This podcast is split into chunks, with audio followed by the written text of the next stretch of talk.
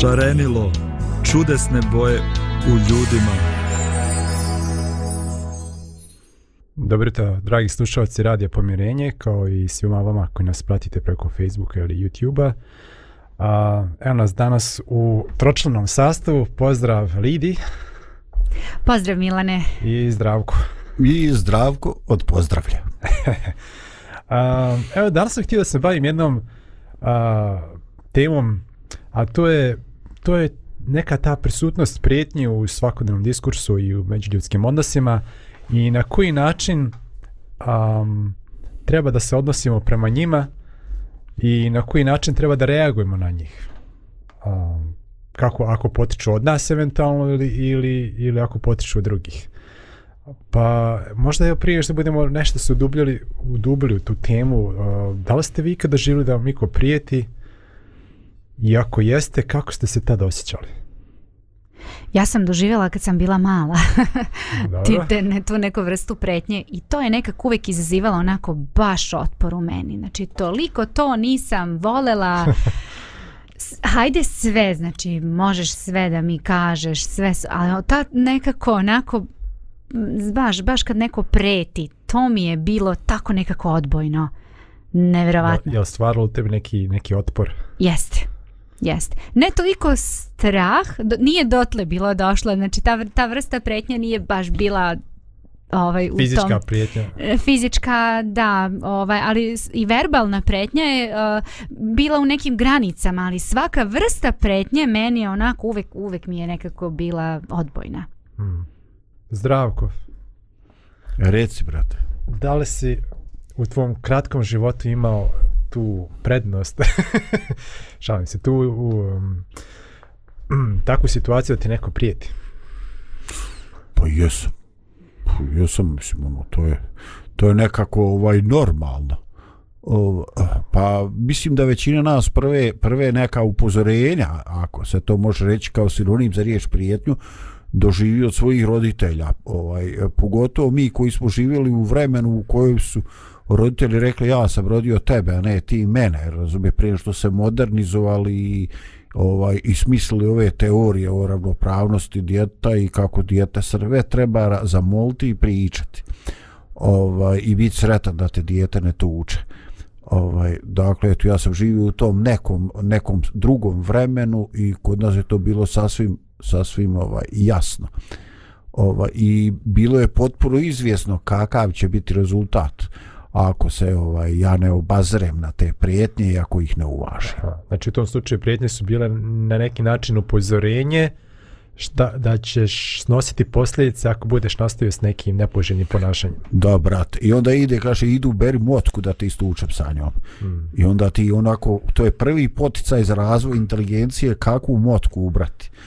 Ako je, brate, velika, neka debela, ubi. Ako je tanka, ono, prosjeca, ostavlja masnice ova, a najbolje bi je bilo prebiti, ali da bude nevidljivo da se slomi čim te počnu tući. I tako djeca već na samom početku dobijaju snažan poticaj za razvoj inteligencije. Hmm. Ma nema znači... tu inteligencije, čoveče.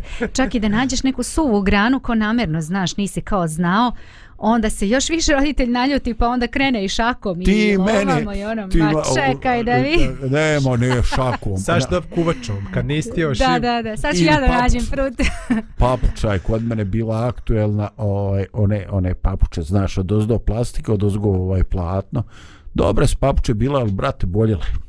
Boljele, boljele. Pa dobro, ti znači na neki način uh, opravdavaš upotrebu prijetnje u smislu uh, vaspitanja i disciplinovanja. Ti, ti još mene skroz da napraviš ovaj kroz ove emisije da budem nemoderan, da budem relikt ovaj prošlosti. Pa je li moguće, Zdravko, da a, a ja ti podržavaš nešto... nasilje nad djecom? ne, ne podržavam nasilje nad djecom. Nasilje počinje u onome trenutku kad se roditelj pogubio i kad je postao živčan i kad počinje da riječi neke svoje frustracije to ne podržavam, znači kad opaziš da nisi dobar, onda nemaš više nikakva prava da kažnjavaš.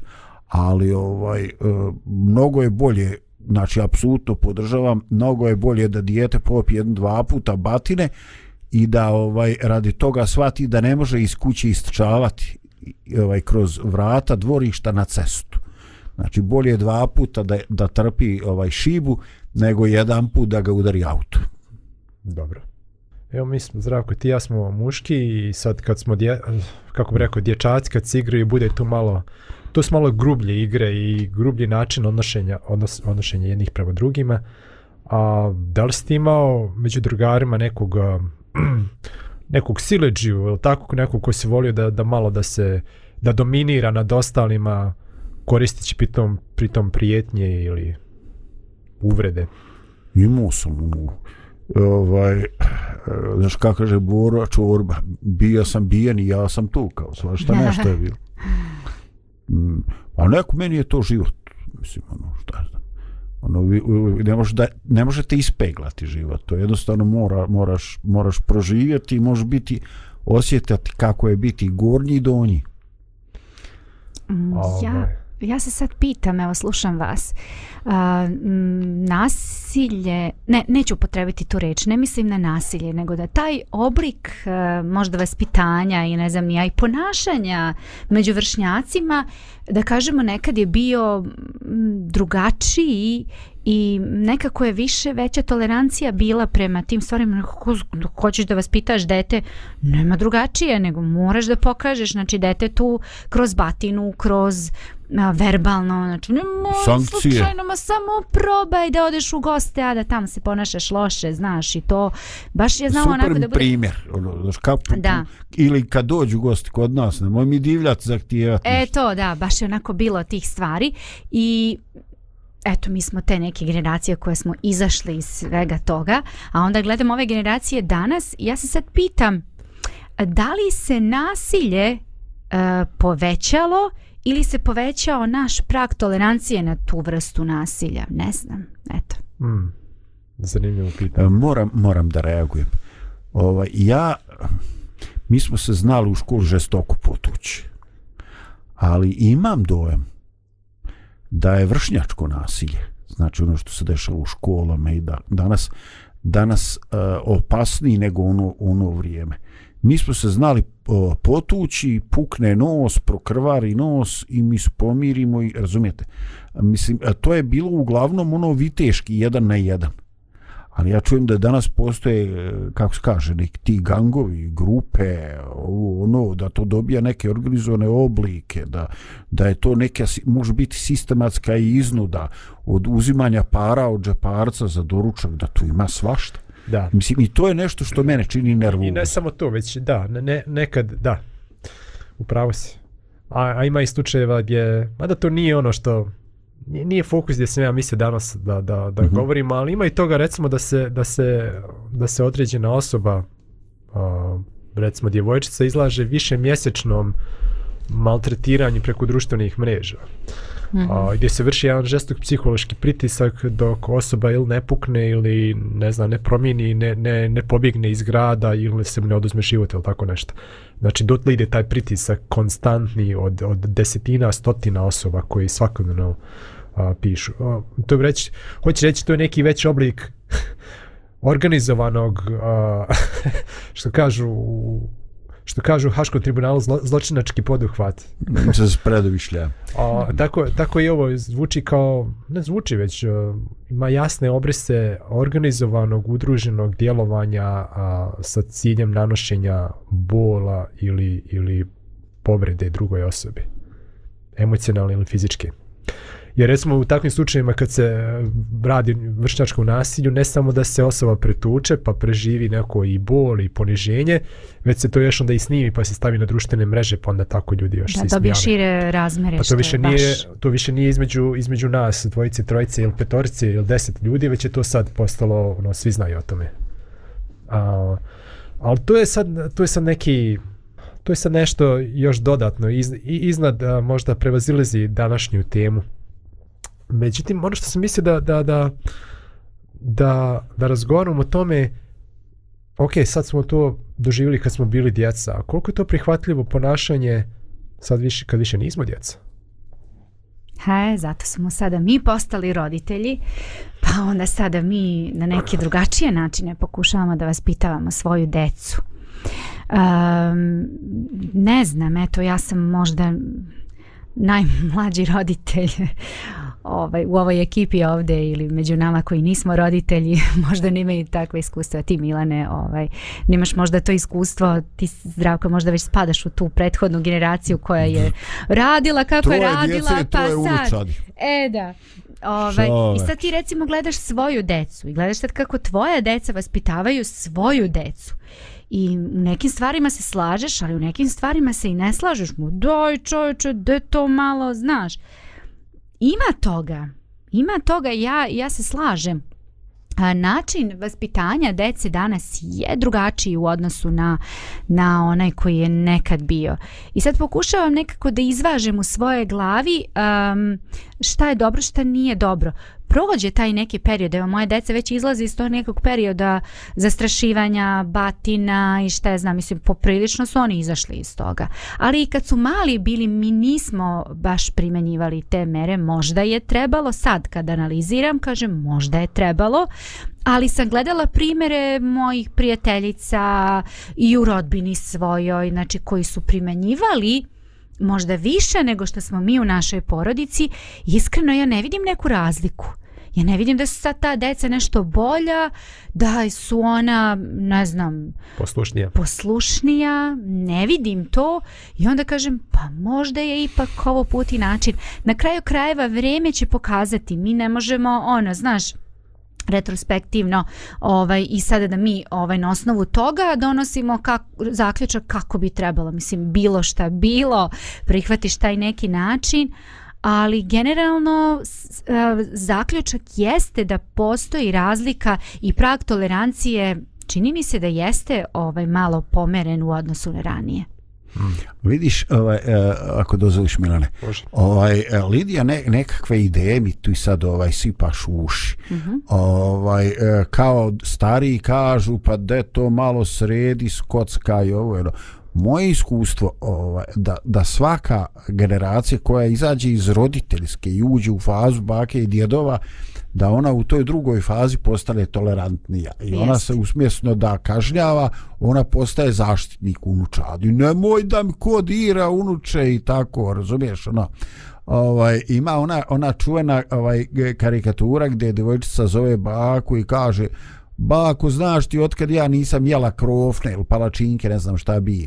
I baka sjeda na neki motorinu, ovaj, dolazi, bum, ti trebaju palačinke, ovi moji izludli, bave se nekim pozlovima i papirologijom. I tako, dakle, e, uglavnom u toj generaciji kad mijenjam ulogu iz roditeljske u, u, u djedovsko-bakovsku, mi postajemo tolerantni i više vjerujemo u te neke druge, druge ovaj, e, metode. Ali ja danas razmišljam o ljudima koji su bili e, tretirani e, na stari način. Jako rijetko. Dakle, jako rijetko. Znači, siguran sam da tu ne prelazi cifru od 5%. E, će tih ljudi reći da je on imao neke traume, da je to bilo nešto pogrešno. Većina će to reći, braća i ja smo bili toliko navaljali da smo i to debelo zaslužili. A sretao sam mnoštu ljudi koji kažu kam sreće da smo bolje perjali. Dakle, ovaj, e, iskustvo kontakta sa živim ljudima. Naravno, ja se ograđujem od onih slučajeva gdje su roditelji imali određene psihološke probleme ili, ili imali problema sa alkoholom i tako, pa to nije bilo neko racionalan pristup, znači uzročno-posledično, ti imaš granice i znaš šta se dešava kad ovaj, pređeš granice. I mislim da je to ključna stvar da dijete ima jasnu situaciju ovaj, šta je dozvoljeno, šta nije dozvoljeno i za kojih postupaka slijedi e, kakva reakcija. Ono što sam e, jako mlad naučio i u kontaktu sa stručnim osobama da je bitno da oba roditelja imaju sličan stav.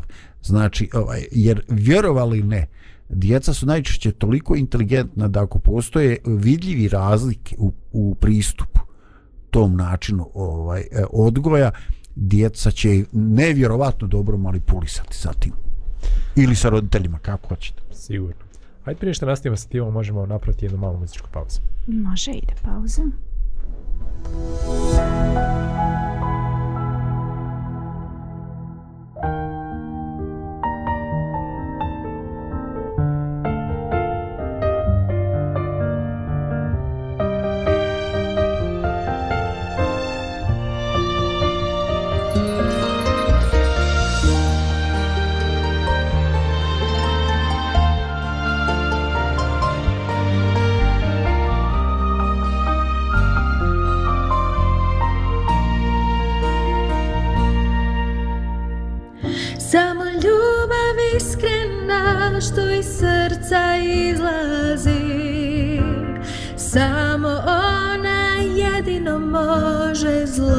purpose.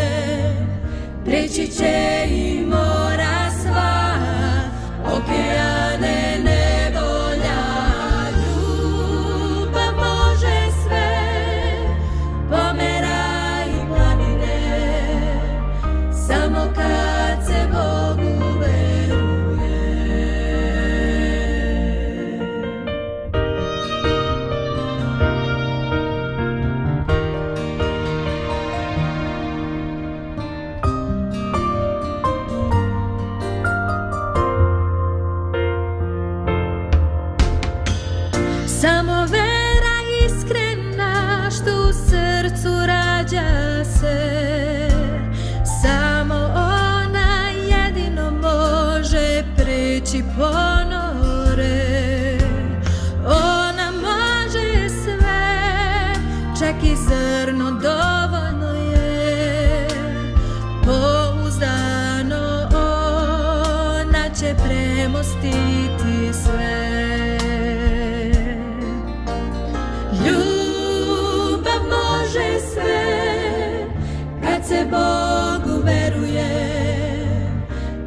Jai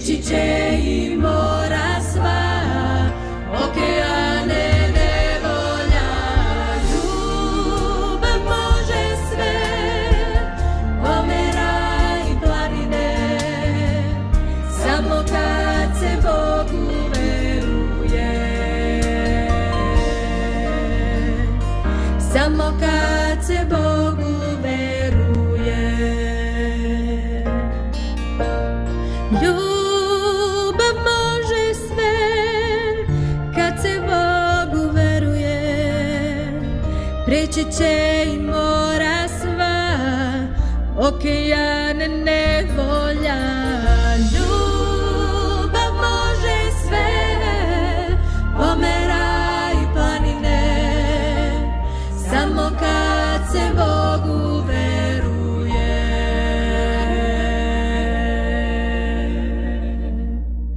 Evo nas nazad u emisiji i nastavljamo sa našom temom o prijetnjama a, da li su prijetnje nešto što je da tako kaže sastavni dio života, nešto prihvatljivo, nešto sa čim treba da, na što treba da naviknemo ili, ili predstavlju nešto više. A, povod zašto sam, zašto sam htio da razgovaram o ovoj temi jeste nešto što sam nedavno pročitao, juče u stvari, a to je slučaj gdje, gdje a, jedan čovjek a, prilazio ženama na ulici, da li on njih tražio novac, nisam siguran tako izgledalo, ali prilično nasrtljivo. Znači nije on sad sjedio pored ceste pa prosio, već je hodao i prilazio tako blizu i tako nasrtljivo da ono žene su morale bukvalno da mijenjaju pravac svog kretanja da ga zaobiđu, da ga izbjegnu. A, jedna od tih žena je bila a, jedna poznata advokatica u Banja Luci, poznata, mislim, pisalo se o njoj. A, i, i na video snimku na sa nadzorne kamere koji, koji, koji je objavljen, može se vidjeti da je pored njih hodao, ne znam, duže malo, nekih 40-50 metara i da je u jednom trenutku ona zastala očinilno vadeći svoj telefon. A, kasnije ga je ona tužila za, za, za prijetnje i za uvrede i za napad. I policija je rekla da je, da je njima taj čovjek već odranije poznat, da je on inače problematičan i podignute a, tužba za, za prijetnje.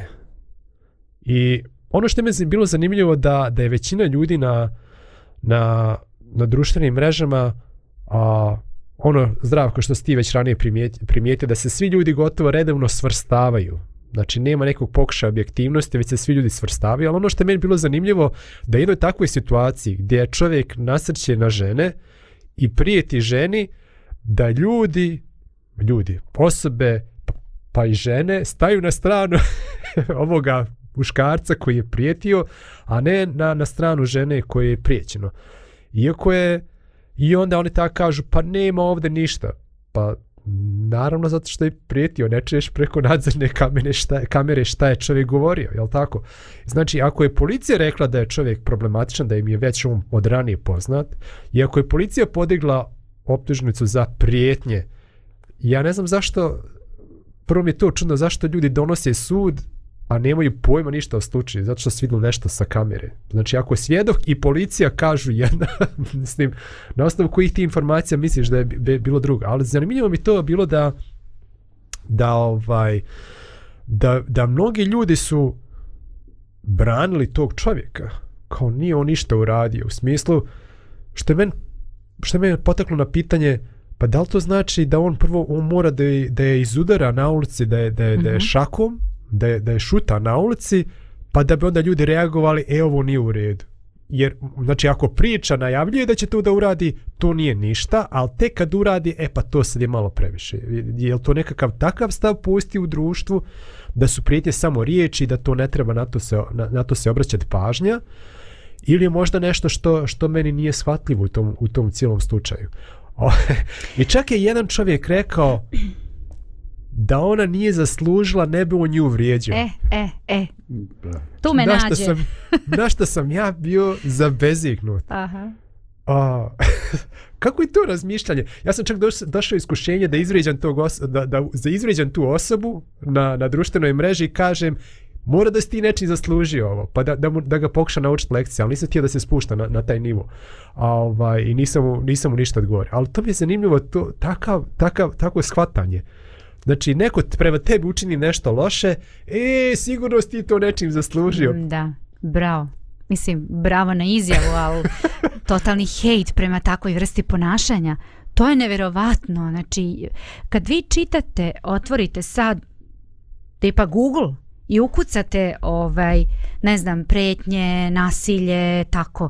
Znači more članaka i more izjava i more tih nekih kao zaštita, znaš, za sve žrtve za takvog nekog ponašanja, mm. imate toga stvarno dosta. I kažu samo prijavi, ima put i način. Sve ti oni daju ova vrsta nasilja, ova vrsta nasilja, ova vrsta, znači stotinu tih vrsta nasilja danas stvarno nažalost ima. I ima kažu ok, prijavi tamo, sve super.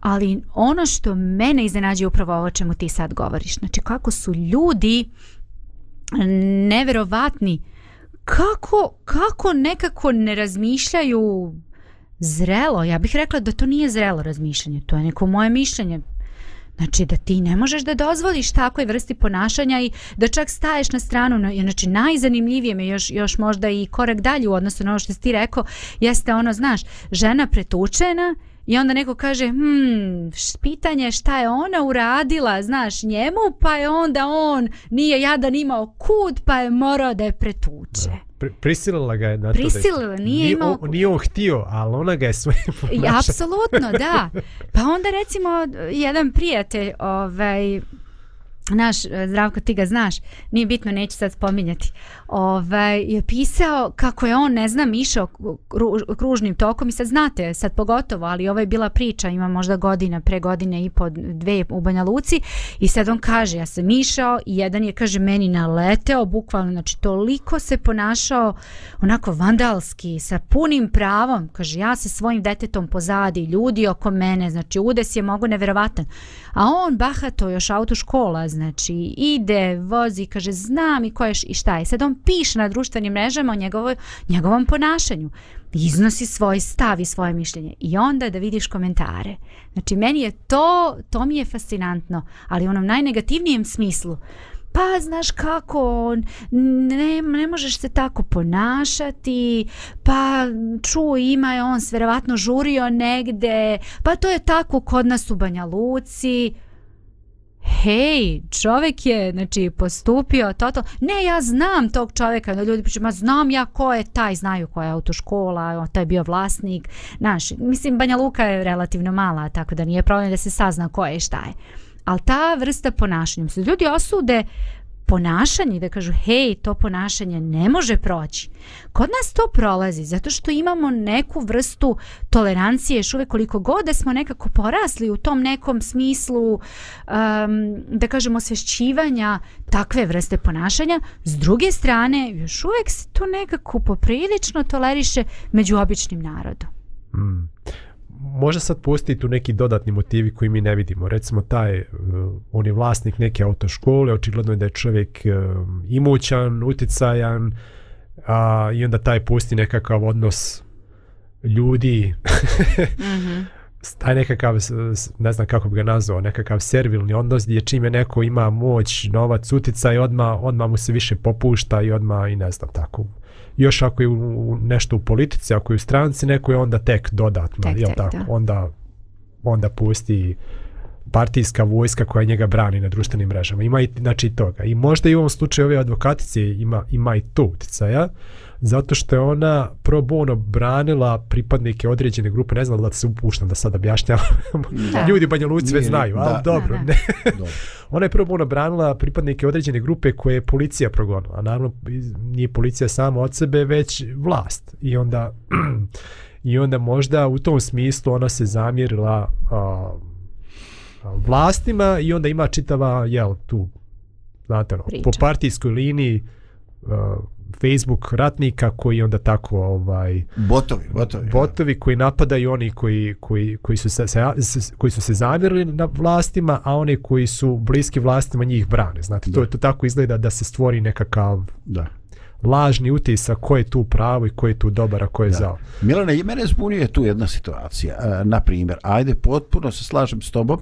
E, nekada, nekada su ljudi e, jako tolerantni prema nekorektnostima koje se odnose na ljude koji su možda uh, pripadaju nekoj povlaštenoj socijalnoj grupi. A, okay. I sad kao ovaj uh, pusti ovaj je sirotinja, njemu je život ga nije mazio, a ona koristi svoju moć, snima kamerom, dostupni su joj organi pravosuđa i šta ja znam, sve joj je dosadno, dostupno, no i je lako, da li je baš taj napad bio tolikog intenziteta da je ona morala da mu stvori tolike neugodnosti. I razumijem prilika kako to funkcioniše, iako niko nema pravo da mislim, ono, niko nema pravo da ulazi u neki prostor integriteta druge osobe kogo da je ona. A, a e, sa druge strane, ovaj, ono što mene jako zbunjuje, a drugačije odnosu na prošlost koje se ja sjećam, a to je e, gdje postoji ozbiljno narušavanje ovaj, života. Na primjer, djedu provali u kuću, i ovaj on tamo ranio provalnika starom nekom lovačkom puškom i djedu se sude uh mhm. -huh. i čak kaže ovaj e, podio još neku ovaj e, tužbu za pretrpljeni strah troškova liječenja ovoga i ono ovaj meni je interesantna izjava ovaj e, poznatog srbijanskog advokata Tome File koji kaže čovječe ako ti po mraku čovjek provali ušao u stan ovaj uh, uh, reaguj onim što imaš. Jer kaže, A ako te i odvedu na sud, mogu da te vadim. Ali ako te ovaj ludak ubije, ne, e, to ne mogu niš da ti pomognem. Ono, iz groba ne mogu da te vadim. Dakle, nekad su bile i sasvim jasne ovaj podjele. E, svetost doma toga nekog privatnog prostora u kojim ne može niko nepozvan da ti uđe i, i pravo na odbranu. E, sad je neki moj dojam, a opet kažem nisam stručnjak za ta pravna pitanja, E, da se da se polako čovjeku ovaj e, nije više samo po sebi razumljivo gdje su granice nužne odbrane. Znači više nema tog osjećaja napome u mom dvorištu, napome u hmm. mome hmm. domu. Ovaj, tako da se ljudi u zaštiti integriteta na onome prostoru koji im je najsvetiji više nisu sigurni kakve će posljedice imati. Mislim, da, što... a postoji ta isto ovaj, a, vraćam se na, na na temu prijetnje i vezano za, za malo neke nelogičnosti u pravnom sistemu gdje gdje ja moj prijatelj snimio prijetnje snimio prijetnje po život upućene upućene njemu i njegovom ocu koji, su tu, koji je tu bio prisutan a međutim kasnije mu rečeno ne ne možeš ti to koristiti kao kao dokaz uh, Je, jer nisi imao dozvolu da da ga snimiš.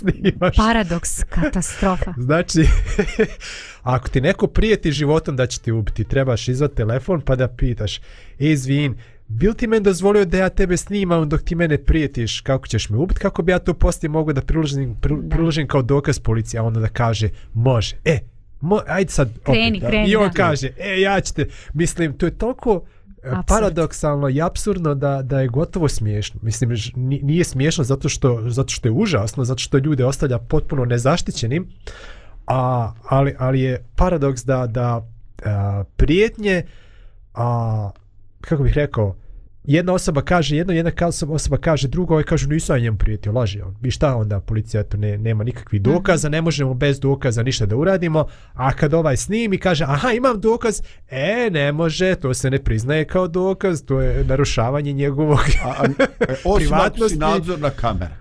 Od, a nadzorna kamera ne, ne mora tražiti dokaz za snime. Dozvolno. Dozvolno, da. Jeste, a nadzorne kamere nemaju zvuk i, ovaj, i ne čuju se prijetnje izgovorene negdje Tako u nekoj sobi. Tako je i realno koliko ljudi sad ima oko sebe tu nadzorne kamere, znaš, da koja će da snimi baš svaku situaciju koja se dogodi, to je, ja bih rekla, možda 10% u odnosu na 100% ostalih, ostale prijetnje koje se mm. dešavaju bez nadzornih kamera. Hajde da prije što rastimo, još imamo jednu muzičku pauzu. De?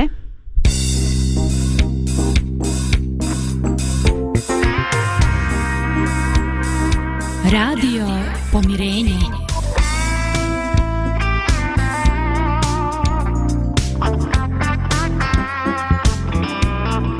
Господи, помилуй, Господи, прости. Помоги мне, Боже, крест свой донести. Ты прошу с любовью свой тернистый путь Ты нес крест безмолвно, надрывая грудь Ты прошел с любовью свой тернистый путь Ты нес крест безмолвно, надрывая грудь и за нас и много ты терпи.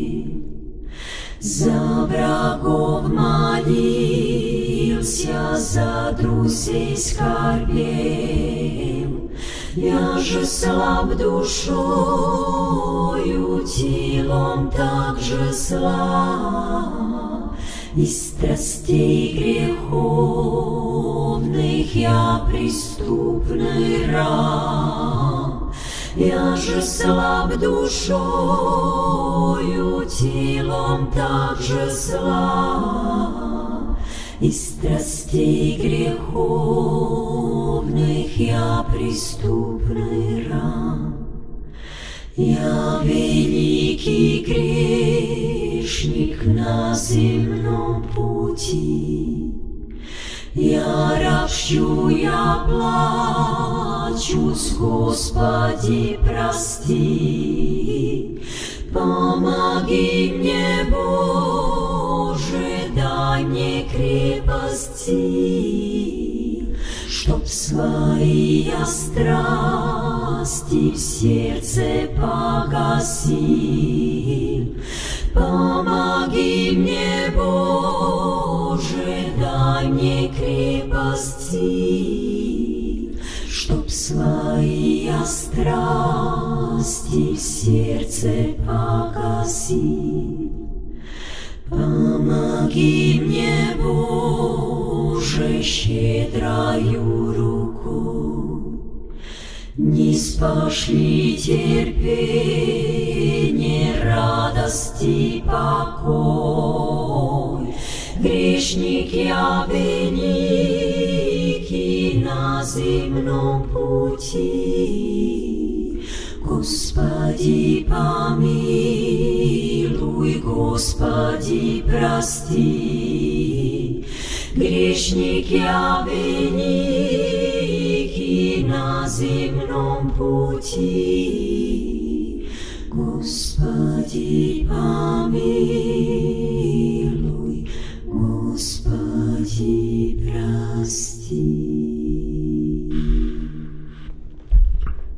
Evo nas nazad u emisiji i nastavljamo o prijetnjama, da li su one prazne, ako su neispunjene i, i s kojim ozbiljnošću treba da se odnosimo prema njima.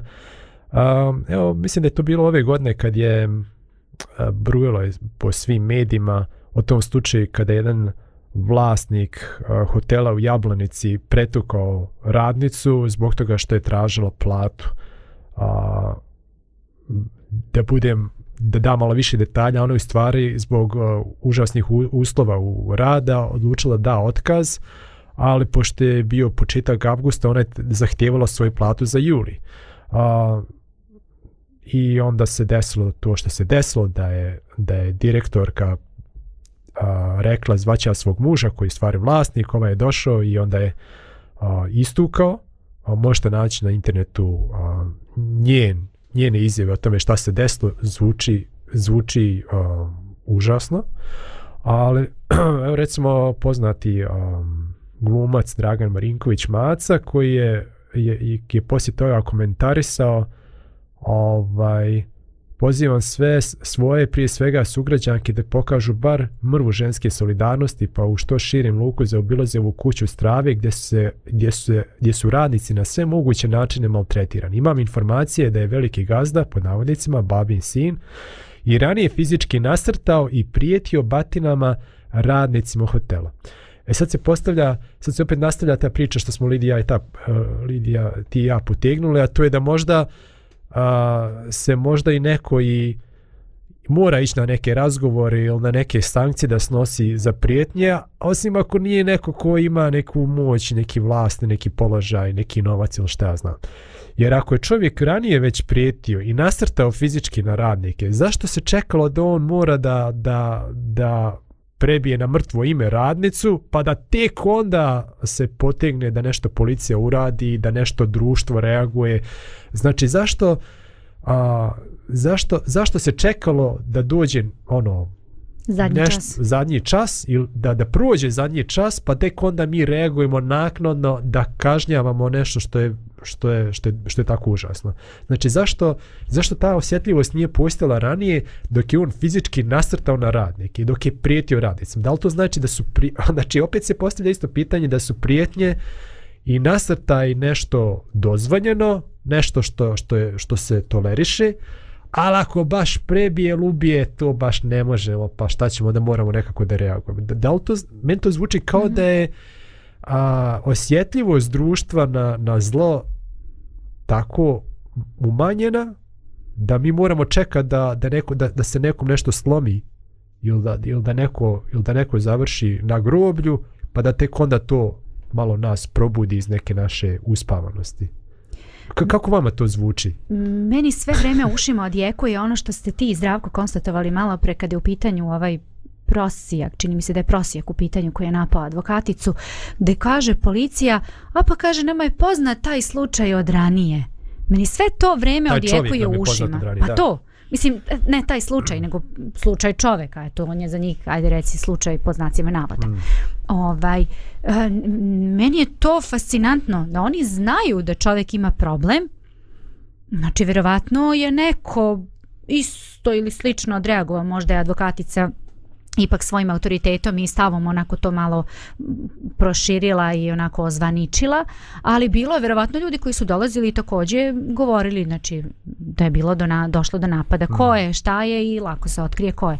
I da policija jednostavno nije reagovala. Ako im je poznat slučaj, pa daj uradi nešto čoveče, znači nemoj, nemoj stajati i reći pa dobro, eto, hajde, nije to ništa strašno, idemo dalje.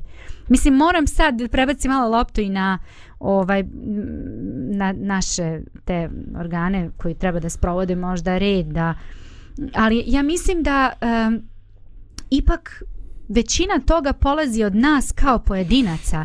Znači, ako ja primetim nešto da, da nije kako treba, I onda kažem, pa dobro, nije to tako. Ma on je takav čovek ili ona je takva žena ili ma znaš šta, oni su takvi. Jednostavno, ne, ok, sad ajde, pusti, preživi. Preživeo si, preživela, mm. rekli šta, rekli, idemo dalje. I to se tako toleriše do, do negde, dok se ne čuje, e, desilo se to i to. I mislim da je tu problem. Znači, reakcija treba da bude... Uh, na prvu ne ishitrena reakcija, jer ipak da stavimo, kažem, onako to na neku, da ipak na ta druge vage malo e, da, da prevagne i, i to da kažem da, da postoje i te vrste ovaj nekog prijavljivanja nasilja koje u stvari realno ne postoji. Znači ima i toga, mislim, jednostavno to je tako, kako ima i s jedne strane, ima i s druge strane.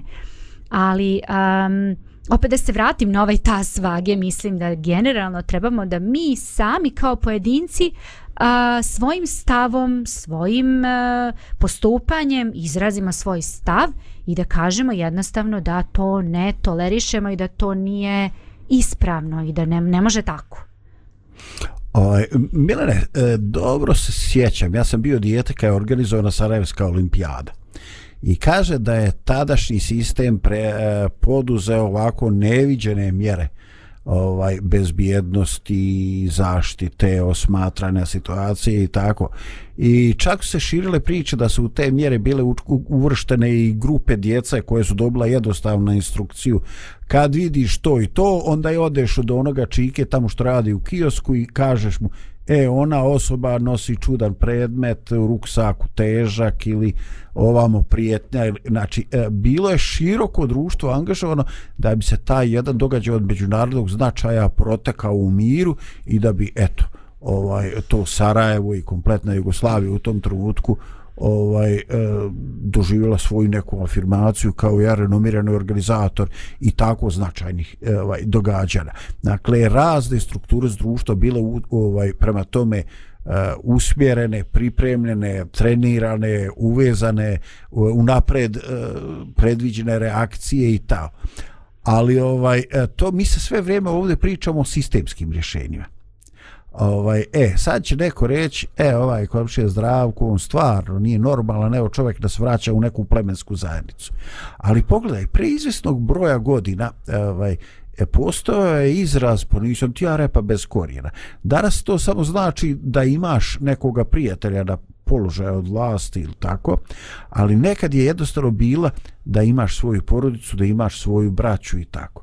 Dakle, to što ti navodiš kao primjere, ovaj, da se to dešavalo ranije, onda dođu dva brata i dva stričevića i dođu i zovnu na piće toga čovjeka, onako, znaš, sve kao na nivou, i onda kažu, ovaj, ja ne znam, možda je naša sestra malo živčana i tako, znaš kako je to sa ženama, svi znamo, ali eto, ona se osjeća neprijatno, pa bi te ja molio, eto, ona sad prolazi kroz neku fazu, da budeš malo oj, ovaj, obzirniji, jer mi stvarno ne volili da dođemo do zaključka da je ona predmet nekoga nasilja, jer mi kao četiri njena brata ne bismo mogli ostati ovaj hladni na to.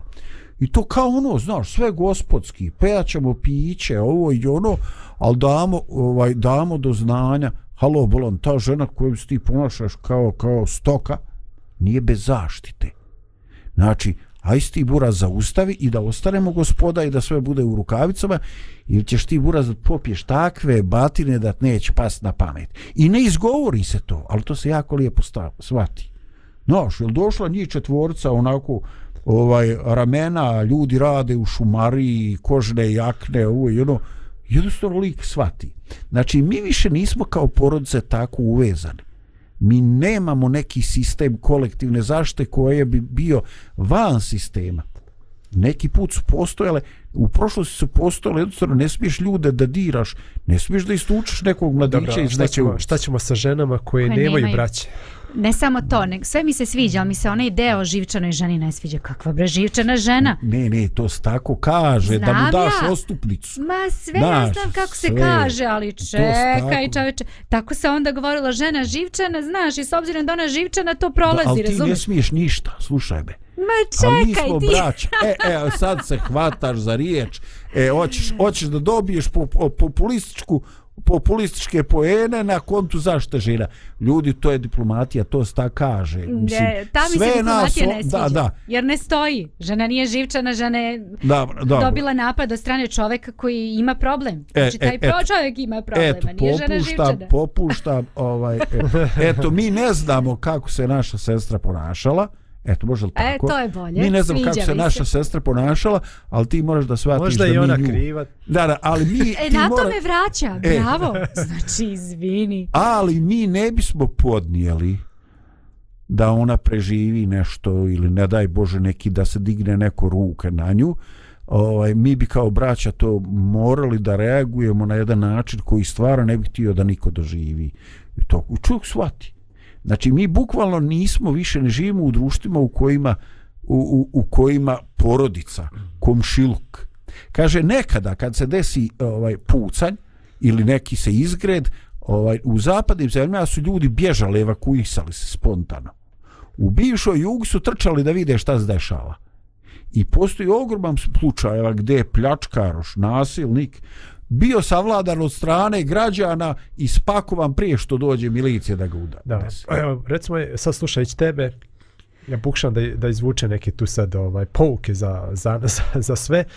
Pa evo, što, što, ono što bi ja mogao da primijetim jeste da kao prvo u životu u velikim gradovima gdje, gdje ljudi se sele i gdje ljudi više ne žive tako kažem u tim, u tim zajednicama gdje je sva mhm. porodica tu negdje blizu je to, to možda i tu neprimjenjivo ali uh, Ali recimo sviđa mi se ta ideja da, da umjesto da, da samo čekajmo da policija štiti ljude i da se policija miješa u neke, u neke slučajeve ovaj, nasilja, hajde tako kažemo, ili da mi smatramo sebe odgovornim za, za dobro na naš jedni drugih. U smislu da da ni da nisam ja, e nije moj, evo nije tuče, moj problem. tuče moju komšinicu na moje oči, nije moj problem. To nek policija rješava. Izvin moje komšinica, to je to je moja odgovornost.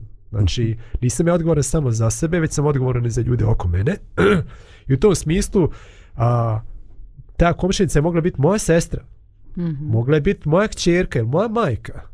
I u tom smislu ja se osjećam odgovoran da ne mogu da prolazim tek tako da je neko, da je neko tuče kao, e, pa nije moja, pošto nije moja sestra, neke tuče. Mislim, to, ta, mhm. takav stav je vrlo loš i takav stav svaljuje sve na policiju. Na sistemski na neka. Sistem, na sistem, A da nemoguće ne... je da sistem to A reši to je sve. nemoguće. Znači, ne mogu biti bit policajci prisutni na svakom mjestu, u svakom trenutku i, i niti ima toliko policajaca. da. Mhm tačna. E, meni se to, meni se, ja upravo to želim da kažem, samo što ti to lijepo lijepo ovaj e, sažao. Jednostavno ta potreba da budemo međusobno ovaj e, povezani, da imamo oslovac jedne drugima, da opazimo ovaj evo ova osoba ovaj nije ovaj mjesec imala u našem komšiluku čime platiti struju jer je dobila dio penzije ili je desio joj se kvar veš mašine jer je možda nije mogla da plati uh, Jer a možemo li da se organizujemo nas 5 6 kuća, pa dođemo u prodavnicu, kažemo evo neka komšinica, ona stara u penziji, svako jutro, evo mi plaćamo da svako jutro dođe po jedan hljeb i litru mlijeka. Razumijete? Znači niko se ne bi zavalio, kako to kažu od da. nas, ali to je nešto nešto lijepo, nešto što ne mora ići preko crvenog krsta, merhameta, karitasa i tako, ali jednostavno divo je neke neke atmosfere koje mi stvaramo u svom najbližem okolišu. Jer ta tvoja izjava kaže možda je ta komšica. Pa znaš onu priču? Prvo su došli po Rome, a ja sam čutao jer nisam bio Rom. Pa su onda došli po Evreje, a ja sam čutao jer nisam bio Evrejin. A onda su došli po mene, a onda viš niko viš nije imao da reaguje. Mhm. Mm -hmm. Ali tu upravo zločinici vole takve, takve stavove da je, je svako, svako gleda svoja posta, to se danas tako kaže, i čak i ako se neko umiješa, uh, on kaže šta, je li to tvoj problem? U smislu, to što se ja sad svađam ili hoćete da ovog opljačkam ili hoćete da ovog pretučem, šta ti hoćeš, šta to ima, šta ovo ima veze s tobom, kao u, to, u tom smislu. Oni vole da, da, da mi budemo da izolovani jedni od drugih, rasparčani. da rasparčani, da ne pomažemo jedni e, drugima, bravo. da ne osjećamo odgovornost jedni za druge, zato što oni mogu u svakom trenutku da izabere dana, ovu osobu žrtvu danas, za danas i žrtvu, žrtvu za, za, sutra, a onda kad ti dođeš na red, onda će reći nekom drugome šta ti imaš s ovim, ajde prošetaj, ajde šetaj. Na kraju da. krajeva, ako nema nikakve reakcije sa naše strane na bilo kakvu tu vrstu postupanja ili stava, onda će osoba reći ovo je prihvatljivo. Znači ja mogu da nastavim ovako bez problema. Da. Znači mi moramo svojim stavom da kažemo ne, to, to ne prolazi. Ljudi stari naši, djedovi su napravili poslovicu izraz. Svaka vaška pobaška. Vaška, znate šta je? Buva. Je tako? Znači kad se mi svedemo na nivo vaške, kad svako se brine samo za svoj biznis, samo za svoje potrebe, mi smatramo da smo razumni i racionalni. Ne, mi smo postali duhovne vaške. Mi smo postali, e, stvaramo društvo u kojem je pojedinac nezastićen jer nema toga e, kolektivne solidarnosti, bliskosti da smo jedni drugima. Naš kaže komšija blizu bolje nego brat daleko. Tako je. Dobar komšija. Eto to je jedna važna lekcija za za ovo da da ne možemo očekivati da policija štiti svakog čovjeka u svakom trenutku, svaku ženu od, od nasilja, prijetnji, već, već da je odgovornost naša. I kao što bismo mi, i konačno to je eto odlična primjena zlatnog pravila, sve što želite da ljudi čine vama, onako činite i vi njima. Mm. Šta biste vi htjeli e, da, da neko vama prijeti, ili da najđu dvojica po, hoće vas da prebiju ili da opljačkaju, šta biste vi voljeli da oni ljudi okolo prolaznici urade? da li bi da, da, da okrenu samo na drugu stranu i produže ili da vam priskoče u pomoć. E, onda znate šta i vi treba da radite drugima. Ali da problem nije samo na prebijanju jedne radnice, da je problem mnogo širi, dovoljno je samo da malo a, slušate više vijesti o, o one crne hronike i vidjet ćete da, pa sad ne znam u kom procentu slučajeva, ali u velikom procentu slučajeva a, ubistvo ili neko drugo ozbiljno krivično dijelo je, tom ubistvu je prethod, su prethodile prijetnje da će osoba to da uradi. Tako je. Prijetnje koje nije niko tretirao i niko se njima nije bavio. Ovaj, već, recimo, meni je bio fascinantan e, eto, jedan slučaj koji se deš, desi u našoj zemlji, a u Gradačicu, gdje je neki Nermin Sulejmanović ubio tri osobe. A, prva, prvi cilj mu je bila a, žena su kom je nevjenčano živio i još neke dvije dvije osobe koje su bile s njom u kući. Znači, čak i to što je ta žena išla u, u, u kuću i živjela sa porodicom nije bilo dovoljno da je zaštiti, hoću da kažem. Mhm. a, da porodica čak nije, nije, nije u ovom slučaju bilo dovoljno. Znači, što je čovjek bio a, divlji u sa pištoljem i nije mu niko, nije mogu nikada da ga, da ga spriječi. Međutim, ono što je men bitno, a, zanimljivo da je ona a, a, da je on nju pretukao, ona je njega ostavila, otišla da živi u svojoj kući, znači nije više živjela sa njim, znači neko će reći pa što se živjela, da, i da je on, a, da je ona njega prijavila policiji, da je htjela da ide u sigurnu kuću, I da i pored svih tih mjera što je ta žena preduzila da bi sebe zaštitila, ništa od toga nije bilo dovoljno. Ovaj, a, evo, čitam taj članak i kaže a, šta je pričala njena tetka o te ubijene Mizame. Ona dodaje da nakon toga razgovarala sa Nizamom i njenom sestrom jer nisu mogle same da izađu na kraj sa Sulejmanovićem. Nizama je zamijenila i broj iz telefona te su zajedno pozvali sigurnu kuću u Tuzli iz kojim je rečeno da je neophodno da se prvo javi u centar za socijalni rad gradačaca. Nizama je nasilje prijavila policiji u Srebrniku jer, jer, se, jer je tu boravila upućena na policiju u gradačicu. Znači samo šalju s jedne mhm. adrese mm -hmm. na drugu, nije Klasika. to naša odgovornost, Klasika. to je drugoga. Tu je Nizami jedan policajac rekao, vi ste znali ko je Nermin, zašto ste živjeli s njim? e to je ta priča. ko ti skriva? Aha. Znači nema nikakve zaštite. A sad bi ja komentarisao na tu, a ti si policajac i znaš ko je Nermin što ga ti ne uhapsiš kad znaš ko je on? Ako čovjek prijeti, ako, ako čovjek tuče žene, a ti znaš ko je on, a ti si policajč, pa što ga ne uhapsiš? Šta, šta je tvoja odgovornost u svemu tome? Evo mislim, to mi je zanimljivo ka, kako, kako, šta, šta je taj policajac rekao. Zjada kaže da je Sulejmanović sve te dane dolazio kod poznanika i sestre nizam, Nizamine kojima je prijetio i uzimao im telefone, prijetio i rodbini. Uzimao im telefone, provjeravao pozive. Mi smo ponovo zvali policiju nekoliko puta. On je tada dolazio kod nas, hoda oko kuće, provjeravao.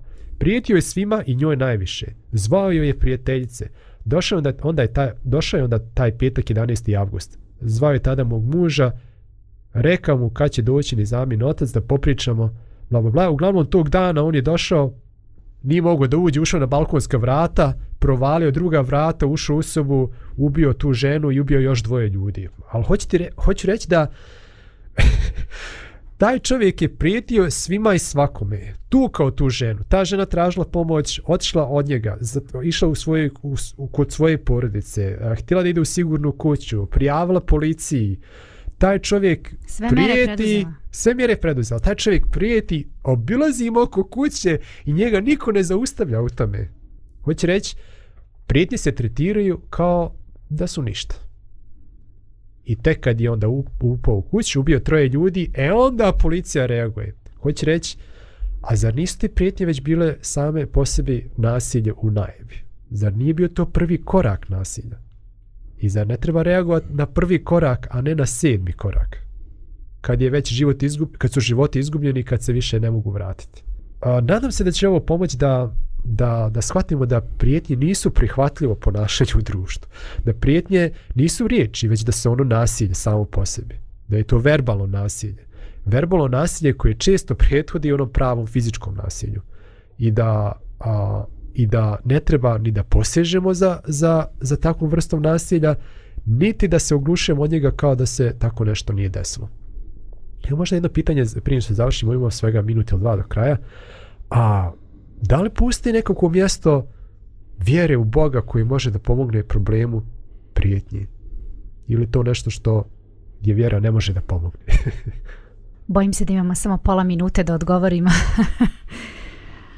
da, verujući ljudi drugačije posmatraju, gledaju na, na sve te stvari i mislim da da taj aspekt života može puno da nam pomogne da oformimo stav prema mnogim vrednostima u životu pa i prema tim vrednostima tako da stanemo u stranu zaštite svakog pojedinca koji je da kažem mm. možda napadnut ili mu preti neki napad da i konačno možda ako čeki da policija i tužilaštva i institucije rade svoj posao savršeno, a tako, tako je zemlja ne pusti u svijetu. Ali recimo da rade savršeno i da sklonuje sve ljude koje, koji prijete drugima i isprečavaju nasilje čak i kad ju najavi, da li će to da promini te nasilnike? Da li će ono da ih učini, da li će da ono izvadi iz njih želju da, da, da prijete ili da čini nasilje drugima? Ne, ono samo stavlja ljude u zatvore, pa ti ljudi ostaju isti. Uh, Tako da jedino što može da promijeni ljudsko srce i čovjeka a, jeste Bog. A, tako da bez Boga smo bespomoćni i uvijek ćemo biti izloženi nasilju i, i lošim pojavama. Eto, toliko za ovu emisiju. Hvala vam na a, vašoj pažnji i hvala mojim današnjim sagovornicima. Čujemo se sutra. Pozdrav. Pozdrav svima.